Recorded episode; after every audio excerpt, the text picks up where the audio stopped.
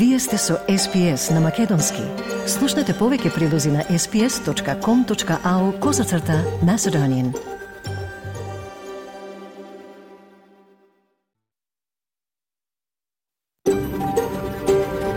SBS, a world of difference. You're with SBS Macedonian on mobile, online, and on radio. Вие сте со SPS на Македонски, на мобилен, преку интернет и на радио.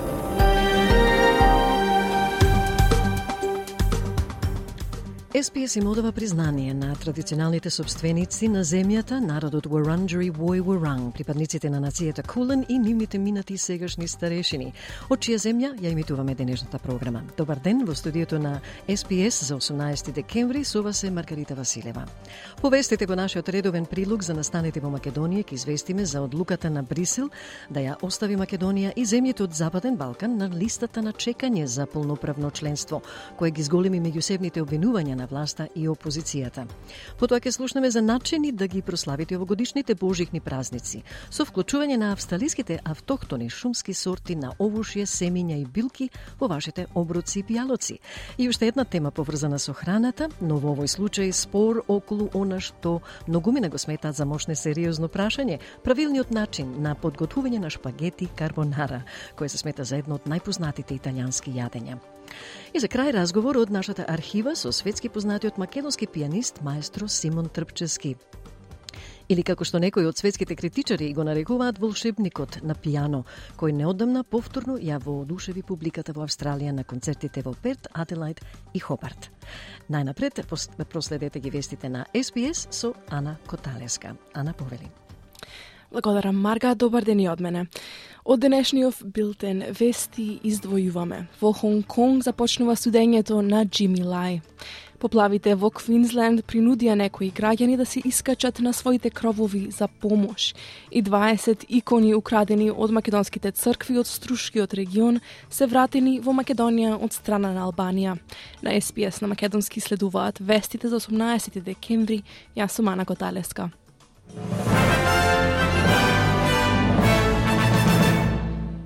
Судењето на издавачот Джими Лај започнува денеска, неколку години по неговото апсење на почетокот на репресијата на дисидентите од страна на кинеската влада. Джими Лај се соочува со доживотна казна затвор за неговата работа во издавањето на продемокар на продемократскиот вестник Apple Daily. Популарниот медиум се издаваше во Хонг Конг 30 години пред кинеската влада да ја ограничи слободата на изразување на територијата. 76 годишникот ја започна својата кариера пред околу три децении, со верување дека доставувањето информации е еднакво на заштитата на слободата. Кинеската влада го обвини Джими Лај за договорење со странски сили за да ја загрози националната безбедност и заговор со други за објавување бунтовнички публикации. Неговиот случај многумина го сметаат за судење поврзано со слободата на печатот и тест за судската независност на територијата, на која и беше ветено дека незините граѓански слободи ќе останат недопрени 50 години по враќањето под кинеска власт во 1997 година. Еве снимка од изјавата на Джими Лај во јули 2020 непосредно пред неговото апсење во која тој вели дека мора да преземе odgovornost. I have to go on. My, my family, my wife may have to leave. But if I leave, I will be totally disgrace myself. I cannot do that. You know, if I leave, not only I disgrace myself, I discredit Apple Daily and also undermine the solidarity of the democratic movement. It's something I have to take responsibility. Некои жители во далечниот северен дел на Квинсленд морале да се качат на своите покруги за да бараат помош, бидејќи силен дошт од тропскиот циклон Джаспер предизвикува рекордни поплави во регионот. Распоредени се бродови за спасување, а морнарицата е повикана да помогне бидејќи се прогнозира дека дождот ќе продолжи до вторник. Нивото на водата се очекува да, го соб, да ги собори рекордите од 1977 година во далечниот северен дел на Квинсленд, додека поплавите во и околу Кенс веќе достигнаа рекордно ниво. Градот сега е одсечен поради поплавни, поплавените патишта, а аеродромот во Кернс е затворен додека паркираните авиони се наоѓаат под вода. Издадени се итни предупредувања за поплави за Маккенс Бич, Holloway's Бич, Yorkie's Knob и делови од Trinity Park. Премиерот Антони Албанезе потврди дека вооружените сили би можеле да се вклучат во спасувачките напори. We have the Australian Defence Force personnel on standby to assist with the recovery. I spoke to Senator Nita Green last night. Uh, she was uh, there uh, quite distressed uh, by what she was seeing uh, in her local community. Uh, people have been devastated, and of course, it's a very dangerous situation for many who are in very unprecedented flood waters. Несреќите на патиштата во Австралија ја достигнаа највисоката стапка во последните пет години, што потикна барања за транспарентност околу податоците за инциденти на патиштата. Според Австралиската автомобилска асоциација, клучните податоци за квалитетот на патиштата, причините за несреките и спроведувањето на законот би можеле да помогнат да се стави крај на загрижувачкиот тренд. Новорното тело за автомобилски клубови вели дека државите и териториите не објавиле доволно информации. Над 1200 луѓе загинаа на патиштата во Австралија во последната година. Ова представува зголемување од 6,3% во однос на минатата година и на висока годишна стапка на инциденти од март 2018 -та. Јужна Австралија забележана е големо зголемување на бројот на жртви на патиштата од 61,4%, а потоа следува Нов Јужен Велс со 23,8% и Викторија со 14,5%. Смртоносните инциденти беа намалени во сите други држави и територии. Премиерот на Нов Южен Велс Крис Минз рече дека секој живот изгубен на патиштата е катастрофален за семејството и пријателите на жртвата. Any life lost on New South Wales roads is devastating for the family and friends of that person. Um, obviously 2023 is a non-COVID year. There was changes to driving and behaviour in 2022. So regrettably, and as awful as the statistics are, uh, we've seen an increase in 23 over 22. На владата на Викторија е поставен ултиматум или да обезбеди стотици училишни чистачи да ги задржат истите плати и услови или да одат на суд.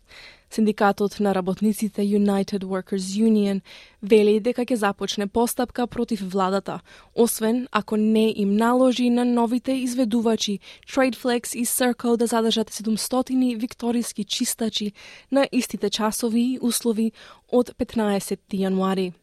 Компанијата во заминување ISS се повлече од едногодишното продолжување на договорот во западните и североисточните предградија на Мелбурн, оставајќи ги чистачите без работа само неколку дена пред Божик. Синдикатот вели дека новите изведувачи нема да почнат да ангажираат чистачи на работа до 15 јануари и ќе ги намалат постојните стапки на плати и часови, што ќе ги чини работниците до 11.000 долари годишно. Во писмо до министерот за образование на Викторија Бен Карол, синдикатот ја обвини владата дека била цитат свесна, упатена и учествувала во прекршување на законите за здравје и безбедност при работа и законот за фер работа. Вкупно 20 икони украдени од македонските цркви, претежно од Струшкиот регион, се вратени во Македонија од страна на Албанија во рамките на договорот за соработка меѓу двете држави подпишан минатата година. Во периодот од 2009 до 2013 година имаше силен бран на насилно влегување во црквите, особено во Западна и Југозападна Македонија, при што се однесоа стотици икони. Само на подрачјето на одделението за внатрешни работи Струга, како што информира за МИА, порпаролот Стефан Димоски, имало 22 пријави за кражба и тешка кражба на икони од цркви. Министерката за култура Бисор, Бисера Константиновска Стојчевска вчера во Музеот на Македонија истакна дека за прв пат во регионот се случува да биде вратено, украдено, заштитено културно добро. Израелската војска соопшти дека открила голем тунел што го користел Хамас, а на видео се гледа дека влезот од тунелот бил скриен во детска спална соба. Тунелот потекнува од Джабалија во северниот дел на Газа. Мајорот Ейлон, командат на 931 баталион, беше снимен во нешто што изгледа како семејна куќа, каде што се прикажува начинот на кој бил сокриен влезот во тунелот. We're in a house that seems like what might be an innocent home. But if you follow me here into the children's room, looks like an innocent children's room. Under this this child's cot, not a baby's cot, we see a tunnel that was used for terror by Hamas ISIS. Hamas ISIS uses children's rooms, uses babies' cots to hide what is used for terror, for murder, and for slaughter. Израелската војска исто така објави снимка која, како што вели, покажува војници во напад на влез на тунел окупиран од палестински милитант. На видеото може да се видат војници како пукаат и фрлаат гранати на отвор во земјата. Српскиот председател Александар Вучик објави дека коалицијата Србија не сме да запре, предводена од неговата Српска напредна партија, на изборите на 17 декември освоила апсолутна победа.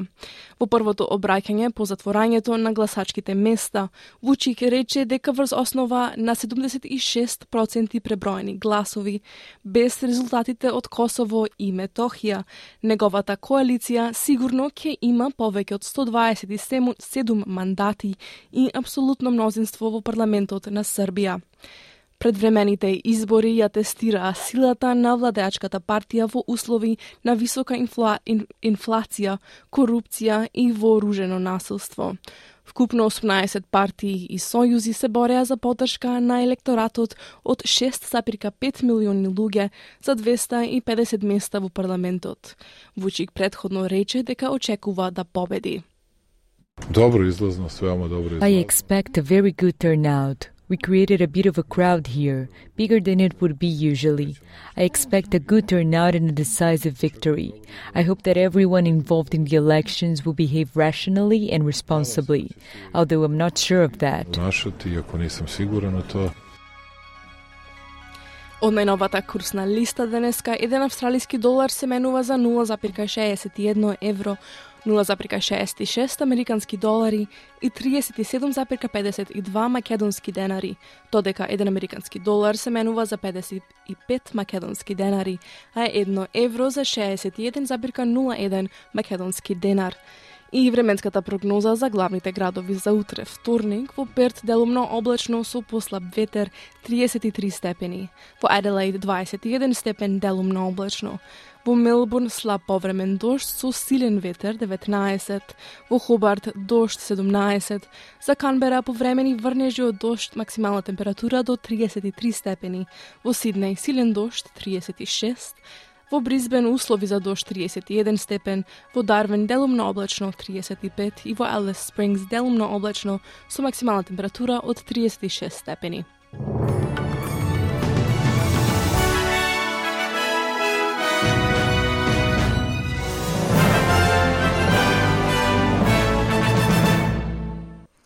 Денешниот билтен вести на SPS со Ана Коталеска ќе биде достапен на нашите веб и Facebook страници подоцна во денот, заедно со комплетната програма. Благодарам, Ана.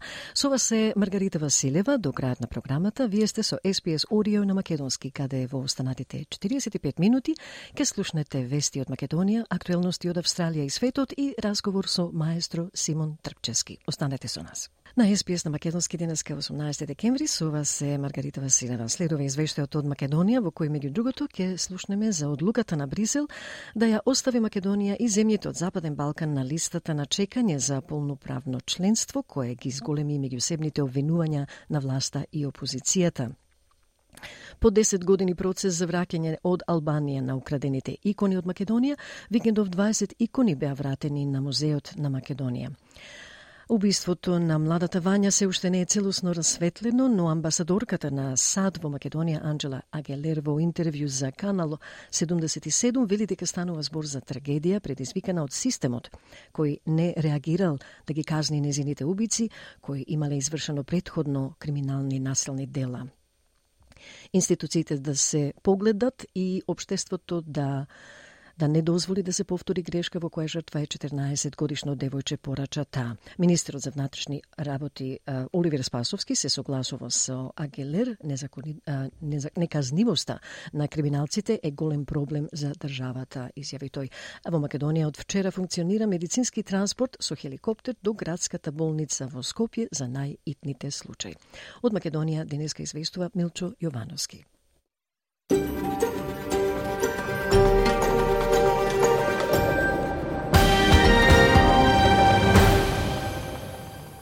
Во Македонија не стимнуваат партиските реакции и препукувања по оставањето на земјава во чекалната на ЕУ, настан што се случи во Брисел. Реагираат и историчарите и јавноста. Портпаролот на СДСМ Мадарко Каевски на прес рече Единствен коцнича на државата е анти-ЕУ и анти-НАТО коалицијата на ДПМН и Левица. Мицкоски ги понижи македонските граѓани и македонскиот народ. Откако пропадна и сите лаги со кој што го плашеа македонскиот народ, дека некој ќе ни го смени идентитетот, дека ќе сме се асимилирале и бугаризирале. Сега на граѓаните им е кристално јасно. Со ДПМН и Левица нема Европска Унија, нема иднина. Високите европски представници сметаат дека Македонија не е подготвена да ги започне преговорите со ЕУ, не поради Бугарија, туку поради високото ниво на криминал и корупција во врвот на власта. Возврати на средба со новинарите, Марија Митева од ВМРО ДПМН сршта на проблемот за ненапредокот на Македонија и немањето почеток на преговори со Европската Унија е во немањето на правна држава поради владењето на криминалот и несправувањето со корупцијата. За сите овие работи зборуваа сите наши стратешки соработници. Со сменето име направени отстапки и учени од соседите за европска интеграција. Македонија не доби ништо. Историчарите се револтирани дека меѓународната заедница со ветувањето за поддршката за македонските интеграции сушност брза да го затвори македонското прашање, рече во изјава за Сител доктор Виолета Ачковска големите сили со Лизабонската декларација и со сите двојни аршини и измислување и минирање на меѓународното право во односот на Македонија фактички сака да го затворат македонското прашање. Тоа се диктати донесени заради европските големи сили, некогаш, а сега меѓународниот фактор, да го затвори дефинитивно македонското прашање. Подветување за европска интеграција и македонскиот јазик беше негиран од соседите, велат и македонистите. На 98 годишнината од печатењето на македонскиот абецедар во Грција, професорка Зајачева Ултер за медиумите изјави дека земјава досега изгуби се на патот до ЕУ со подпишување на договорите со соседите. Грижата во тоа време ми се чини на целата европска и светска јавност била многу поголема во однос на ова што ни се случува денес при постоење на 80 години македонска државност, постоење на земји членки, наводно демократски, во кои што разгорува национализмот многу повеќе отколку што тоа било пред еден век. Во Ману беше одржан научен собир по 98 годишнината, кога во Атина бил испечатен и објавен првиот буквар наречен Абецедар, намене за учениците македонци од Егејска Македонија. Но тој никогаш не почнал да се употребува и покрај налогот од Друштвото на народите, зашто во нивната намера се вмешала и политиката на соседите за негирање на нашиот идентитет, кажа професорката по историја Ачковска. Потребни се дополнителни истражувања на идентитетот на тројцата автори на бецедарот, зашто не се знае дали биле грци, македонци или грци кои го зборувале и македонскиот јазик, изјави на настанот докторат Ковска. Купно 20 икони украдени од македонските цркви, претежно од Трушкиот регион, се вратени во Македонија од страна на Албанија во рамките на договорот за соработка меѓу двете држави, подпишан минатата година. Македонскиот премиер Димитар Ковачевски изјави дека за прв пат во нашата држава успешно заврши реституција на културно наследство. Постапката за враќање на украдените икони почна во 2013-та со интензивни активности во последниве две години. Во периодот од 2009 до 2013 година имаше силен бран на насилно влегување во црквите, особено во западна и југозападна Македонија, при што се однесува стотици икони. Само на подрачето на оделението за внатрешни работи Струга, како што информира за МИА, портпароло Стефан Димовски, имало 22 пријави за кражба и тешка кражба на икони од цркви.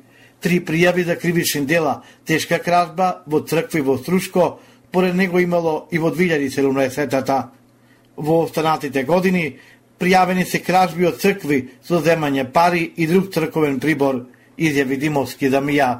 Незаконски оземените икони од македонските цркви случајно ги забележале македонски експерти во 2013-та на прилог со премиерот Еди Рама на албанската телевизија.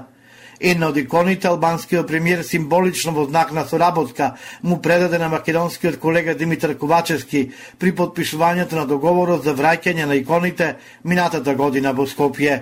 Министерката за култура Бисера Костадиновска Стојчевска вчера во Музеот на Македонија истакна дека за прв пат во регионот се случува да биде вратено, украдено, заштитено културно добро. Според расположливите податоци во светот воопшто исклучително ретко се случува да бидат вратени незаконски изнесени културни добра онаму од каде што се земени. Овие 20 икони ќе останат во Музеот на Република Северна Македонија, каде што ќе им биде извршен конзерваторски третман во зависност од потребите на секоја икона одделно. По целосното завршување на конзервацијата, иконите ќе бидат изложени за јавноста во овој музеј. Американската амбасадорка Анджела Агелер во интервју за Канал 77 рече дека за жал неодамна убиената 14 годишна Вања Дјурческа ја платила цената зашто познати насилници и криминалци не биле гонети и затворени. Агелер остро ги критикува властите зашто дозволиле вакви луѓе слободно да се движат и да вршат злодела. Агелер прстот го пери во институциите и порача дека е време сериозно да се преиспитаат што можеле да направат за да го спасат девојчето, но и сите други деца во државата. Министерот за внатрешни работи Оливер Спасовски се сложува со американската амбасадорка дека институциите потврдиле во случајот со убиството на Вања.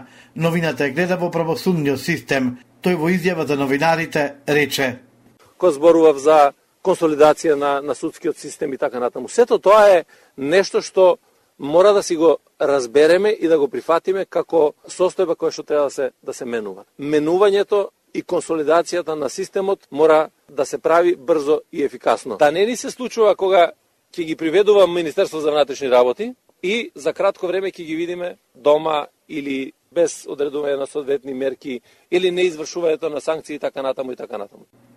Тоа што системот не функционира е вина на Спасовски, кој е 8 години министр за внатрешни обвини ВМРО ДПМН во сообщението до медиумите во кое се вели, цитирам, доколку МВР на Спасовски распишеше централна објава по возилото на Панче и неговите убици, ќе биле фатени уште на 24 ноември, кога влегло во Скопје, или на 25 кога повторно е лоцирано на камерите на безбеден град. МВР на Спасовски имало три дена, кога возилото на Панче било возено на Скопје да ги фати убиците на Панче, со што до убиството на Вања немало да дојде обвинија од ВМРО ДПМНЕ. На платото над Битолската клиничка болница беше промовиран еден од полициските хеликоптери кој ќе врши бесплатен превоз на најзагрозените пациенти од болниците во внатрешноста до градската болница 8 септември во Скопје. Ова е еден голем исчеко на нашето здравство во заштитата на пациентите, велат здравствените работници. Хеликоптерот има медицинска опрема за воздушен транспорт, а ГОП 8 септември ќе возможува искусен стручен тим за придружба на пациентот, рече министерот за здравство Фатмир Меджити. Брзиот транспорт на пациентите е исклучително важен во ургентните состојби. Првиот час по настанување на критична здравствена состојба. Ние лекарите го нарекуваме златен час. Токму во тоа време соодветна интервенција значително ги подобрува шансите за позитивен исход. Од Министерството за здравство најавија дека планираат формирање и на посебен кол центар, одговорен за координација, како и проширување и вклучување на повеќе медицински центри во државата.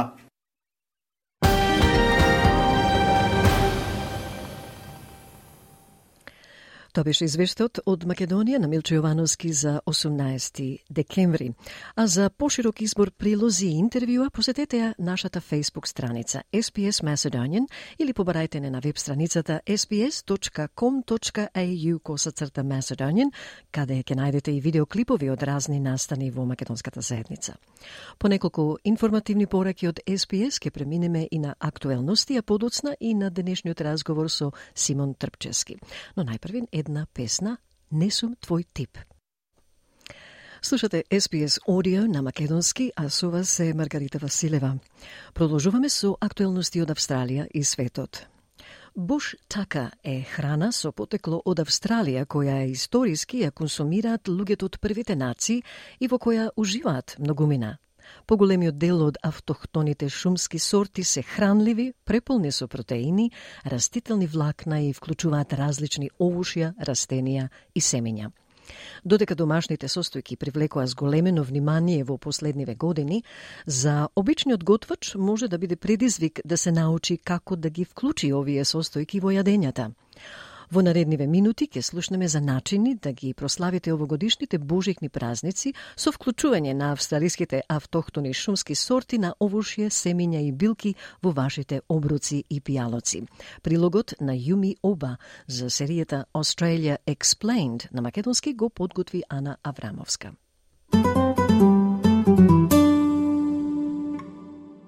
Да го прославиме живописното културно наследство на Австралија, овој божиќ може да биде доста едноставно, со заменување на вообичаените состојки во нашите кујни со автохтони шумски плодови – преку разговори за овие домашни алтернативи, за нивното потекло и нивната употреба, не само што ја прославуваме, туку и се доближуваме на богатата таписерија на австралиските традиции. Автохтоните шумски плодови се во центарот на вниманието во последно време, но откривањето и учењето за тоа како може да се користат секојдневно во нашите кујни е како предизвик на непозната територија. Демиен Култарт, човек од Адња Махтхуна, од Flinders Rangers, е автори на куварот First Nations Food Companion Varanju воведување на австралиски состојки во нашата кујна. Тој вели дека исто како и секоја готварска авантура, вклучувањето на австралиските состојки бара подготвеност за учење и истражување и дека нема подобро време да се впуштите во оваа вкусно истражување од оваа празнична сезона. Одлично време е да се нурнете во богатиот свет на автохтони состојки и да ги зачините вашите јадења со вкусот на австралиското културно наследство. But ultimately those who are cooking at home, what we like to encourage is this experimentation with the different natives and just embodying it and celebrating it within your cooking. So for Christmas, how many different meals they get brought out, salads to desserts to beverages, hot and cold to, to cocktails. There's a range of different ways they can use it and access that and there's many different recipes online as well. Наместо да се обидете да сготвите сосема нов рецепт со автохтони состојки, размислете да ги замените вашите редовни состојки со австралиските домашни сорти. Например, во салатите може да го замените спанаќот со Warringal greens или аспарагусот со самфирот. Кога станува збор за главните јадења, би можеле да ги маринирате или зачините вашите оброци со автохтони состојки. On mains for Christmas for us, generally it is warm food, so it's your turkey, it's your chicken, it's it's your fish, it's your lamb. So if you're thinking of preparing a lamb, maybe it's preparing that with with saltbush or your chicken or your turkey using Geraldton wax. The Geraldton wax has that beautiful citrus flavour that can be stuffed under the skin. Or if you're someone who absolutely loves fish or anything from, from the ocean. So I'm thinking snacks like oysters with finger lime or prawns with finger lime. Арабера Даглас, жена од Мин Юн Бул, е основач на Curry Country, водечка организација на првите нации која го олеснува поврзувањето со првите нации преку културни ангажирање на заедниците. Таа сугерира дека кога разгледуваме домашни состојки, едно од првичните прашања што треба да си го поставиме е што е достапно во летото во јужната хемисфера. So if anyone to say to me what is a native or a traditional Christmas from a First Nations perspective, that is nothing more than asking what is an ecological reality for this continent in the season of December, and that is fresh food, fresh seafood, light eating, everything natural, everything native.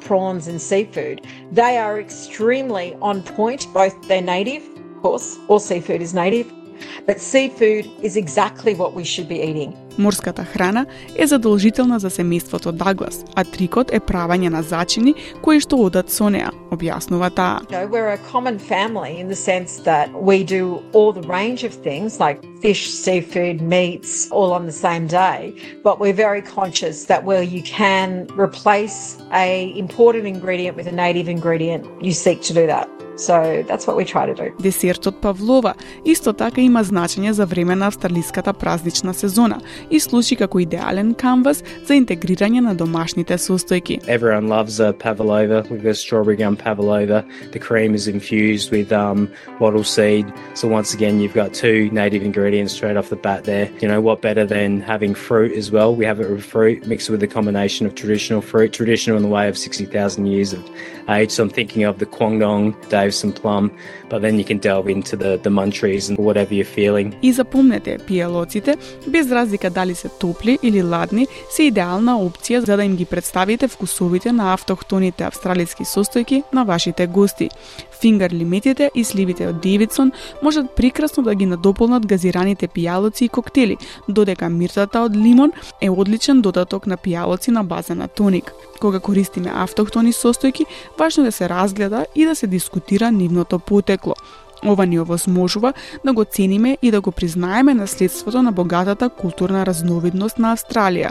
Прославувањето и разбирањето на корените на овие состојки е значаен начин да се почитува културното наследство на Австралија. Make an effort, identify the state, maybe the language name, connect to an Aboriginal nation, kind of build up the storyboard about it, make it a real celebration. That gives you a true appreciation for what you're having and hopefully a love and a passion for. And I really believe once you have a love and a passion for a particular thing or a topic, that really drives your decision moving forward, whether it be travel, whether it be engaging in a food experience, whether it's appreciating that cultural heritage, whether you're from Australia or outside of Australia. Друг начин на кој може да го прославиме австралиското културно наследство е да одгледуваме и да споделуваме автохтони шумски состојки, вели Julie Douglas. Grow as much as you can for yourself. There's nothing quite as lovely as just getting what you need from your garden. And I know that sounds really daggy, but I would say to people give each other plants and create your own little supermarket between your friends and your family and become your own exchange. Like that would be a beautiful Christmas because in that liberation where you opt out of these big chains,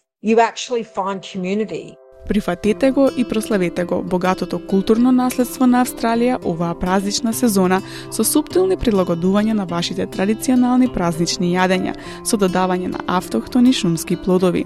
Овие едноставни промени ќе донесат нов вкус и нова длобочина на вашите прослави.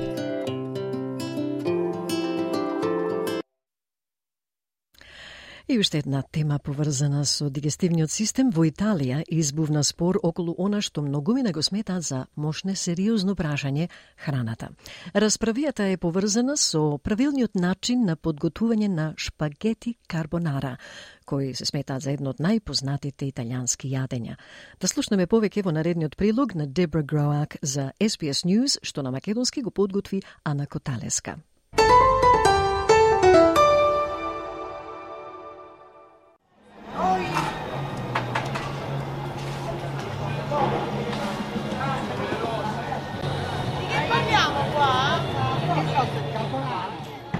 Во Италија храната е сериозна работа. Наводно, многу италијанци сметаат дека е ерес да се комбинираат тестенини со кетчап или да се стави ананас на пица. Постои дури и де факто забрана за нарачка на капучино после ручек, како што дозна авторката за храна Надија Муно во Милано. Scusa, uh, posso avere un cappuccino? Can I please have a cappuccino? With your pasta? Yes. This hurts so bad. Che dolore che mi fa. Сега, историчарот за храна Лука Сезари потикна дебата за, како што вели, оригиналната верзија на тестенини карбонара. Тој го спремил оброкот според рецепт од 1954. Лука Сезари вели дека се соочил со многу злоупотреба на интернет, откако го објавил видеото на Инстаграм. I dared to take a historical recipe for carbonara dating back to 1954, the first Italian recipe for carbonara, which was published in the Cucina Italiana magazine, and simply remade it. E l'ho replicata semplicemente. Овие жители на Рим, интервјуирани на улица, се подеднакво незадоволни. Бруна Мари вели дека традиционалната карбонара треба да се остави како што е. Where did he come from? Nonsense. Everyone has their reasons, but what reason does he have? You tell me. Во индустријата за храна, мислењата се поделени. Собственикот Роберто Мартели е меѓу оние кои велат дека верзијата со кремаст сос е традиционална. Quella come anche la matriciana, come la cacio e I think it represents the key to tradition in the same way that amatriciana or cacio e pepe represents who we are. Most Roman cuisine comes from the traders who came down from the Apennines, so it recalls tradition 100%. Карбонарата што ја подготви Цезари беше направена со швајцарски грујер кашкавал, лук, сланина и изматени јајца, без вообичаените состојки како италијанското пекорино сирење и сушено свинско месо кое се меша со јајца за кремаст сос. Цезари вели дека се обидувал да покаже како рецептот еволуирал во текот на децениите. Тој вели дека постојат илјадници верзии на карбонарата. Non conoscono la storia This has angered the carbonara purists who didn't study history and think that our beautiful recipe has always remained identical to itself. Unfortunately, this is not the case, and there have been hundreds of versions of carbonara. Алберто Гранди е професор по историја на храна на Универзитетот во Парма, а исто така најде на критики поради преиспитување на воспоставените италијански кулинарски традиции. Тој го осуди, како што рече цитат, еден вид гастронационализам што не спречува мирно да размислуваме за темите на нашата кујна. Гранди се појави на насловните страници, велејќи дека саканото јадење карбонара е всушност американско, во време кога владата аплицира за вклучување на незината кујна во листата на нематеријално културно наследство на УНЕСКО. 2023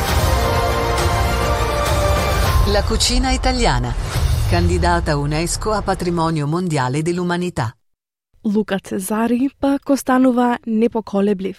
Тој вели дека е подготвен да потикне повеќе кулинарски контроверзии со ново видео за пицата Неополитана од 19 век, која што ја подготви со школки.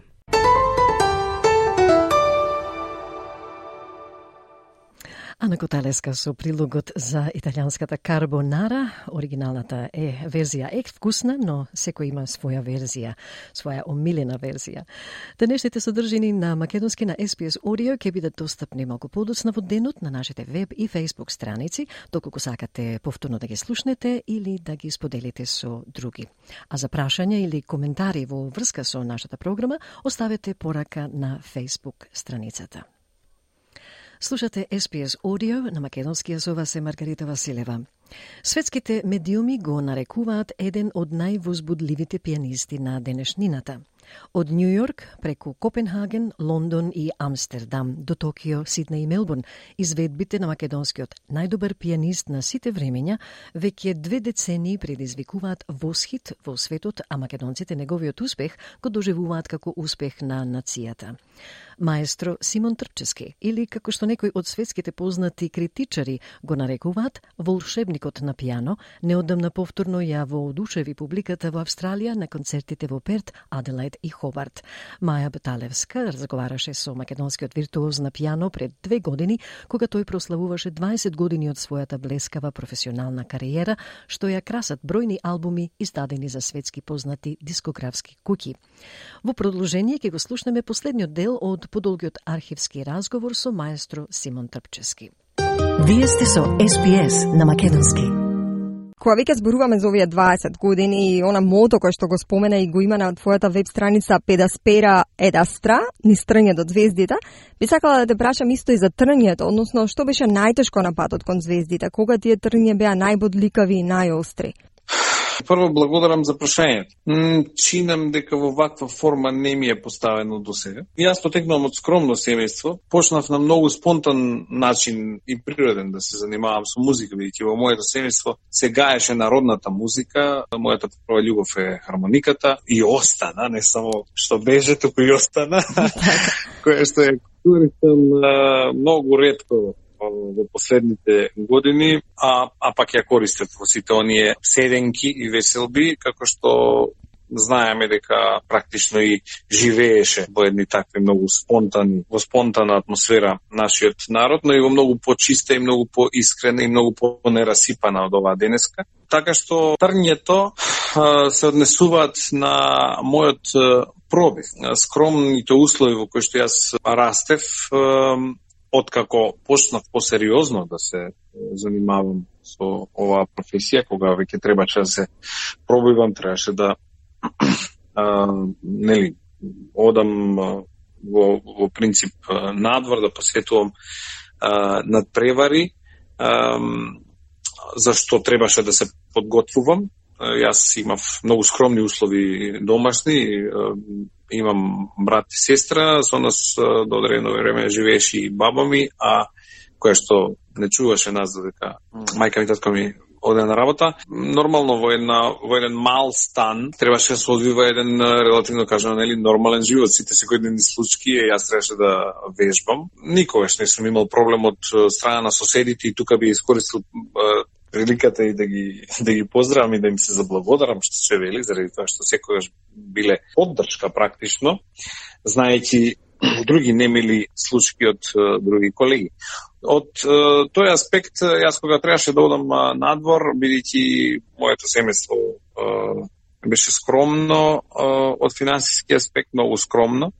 Тоа беше единствениот пат на кој што јас можев да ја да го реализирам, да речеме, својот талент од една страна во меѓународни рамки бидејќи требаше да доводам и да, да земам учество на превари за да нели се направи било каков контакт тогаш. Така беше денеска многу работи се случуваат и на малку поинаков начин и луѓето создаваат кариери и без надпревари.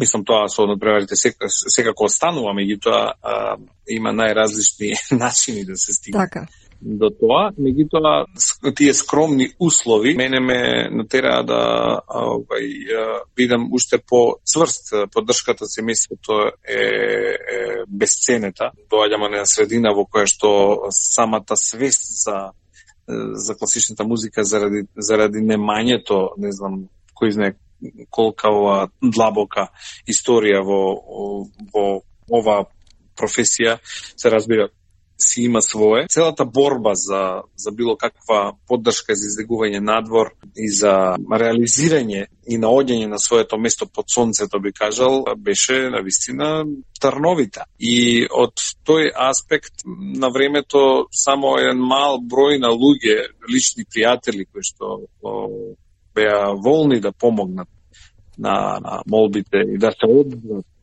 на молбите на, на татко ми, разбира беа тие кои што помогна да јас практично излезам, тука да не зборувам воопшто, да излезам надвор, нели, а да не спомнувам воопшто за целосната транзиција во која што во најубавите години јас и генерации пред мене и по мене се наоѓаат и тоа е нешто што е трагично и поразително за, за нашите политичари не успеа да ја воздигнат Македонија на еден многу помудар начин да го поминат сијат тој период, но тоа е се разбира на многу тажна, болна тема која што нема да овај да овде, а е секако еден голем овај еден неизбежен дел од овој Трновит пат, бидејќи јас кога одам во странство и кога ќе разговарам на отворени интервјуа, луѓето ме прашуваат, тоа се обични влюбеници во музиката и почитувачи на уметноста, нели ќе се распрашаат за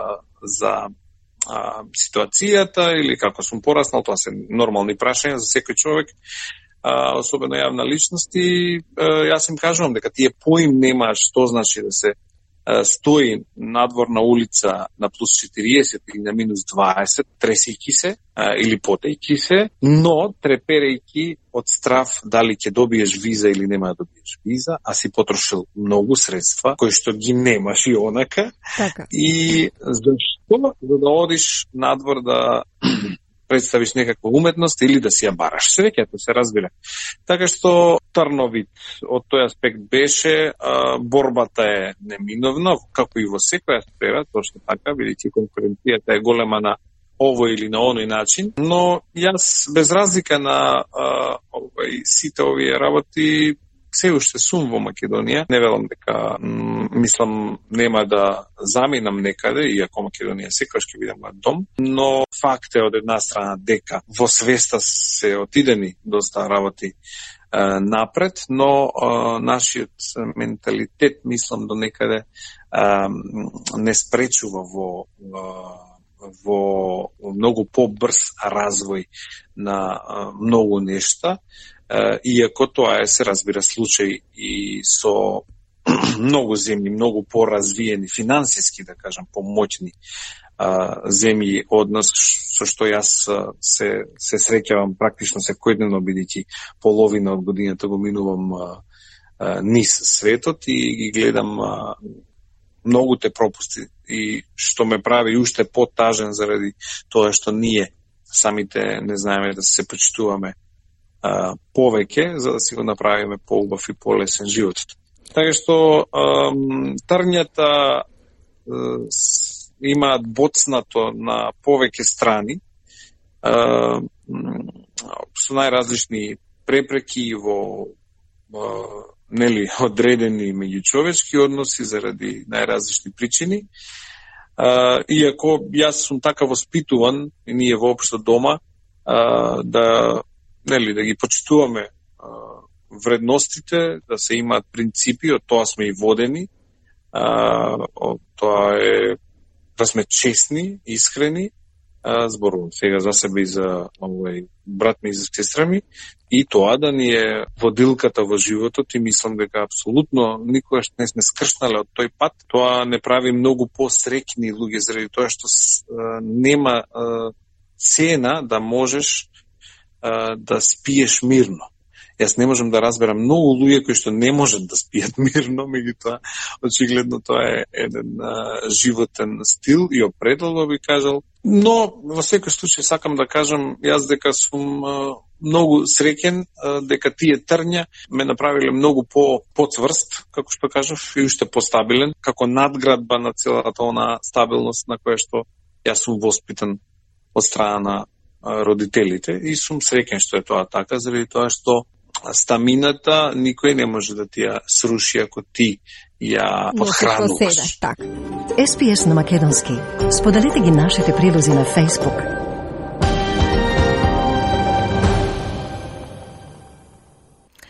Тоа беше виртуозот за на пиано Симон Трпчески, кој при секој настап во светски познатите дворани ја представува својата родна Македонија со сплетот од македонски традиционални ора и песни под наслов Македонисимо. И за крај да се подсетиме на главните вести на СПС.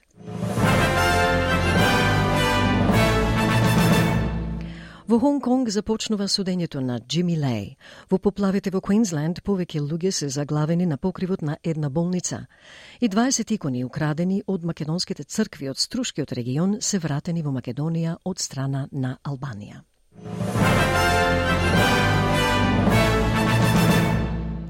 И со тоа дојдовме до крајот на уште една програма на македонски јазик на SPS Audio. Почитувани слушатели, ви благодарам на вашето внимание. Доколку имате коментар, оставете порака на нашата Facebook страница. Ве очекуваме повторно утре, вторник во исто време, а во меѓувреме, доколку најдете слободно време, побарајте ги нашите прилози и интервјуа на интернет. Од Маргарита Василева, се најдобро. Сакате ли да чуете повеќе прилози како овој? Слушате подкаст преку Apple Podcasts, Google Podcasts, Spotify или од каде и да ги добивате вашите подкасти.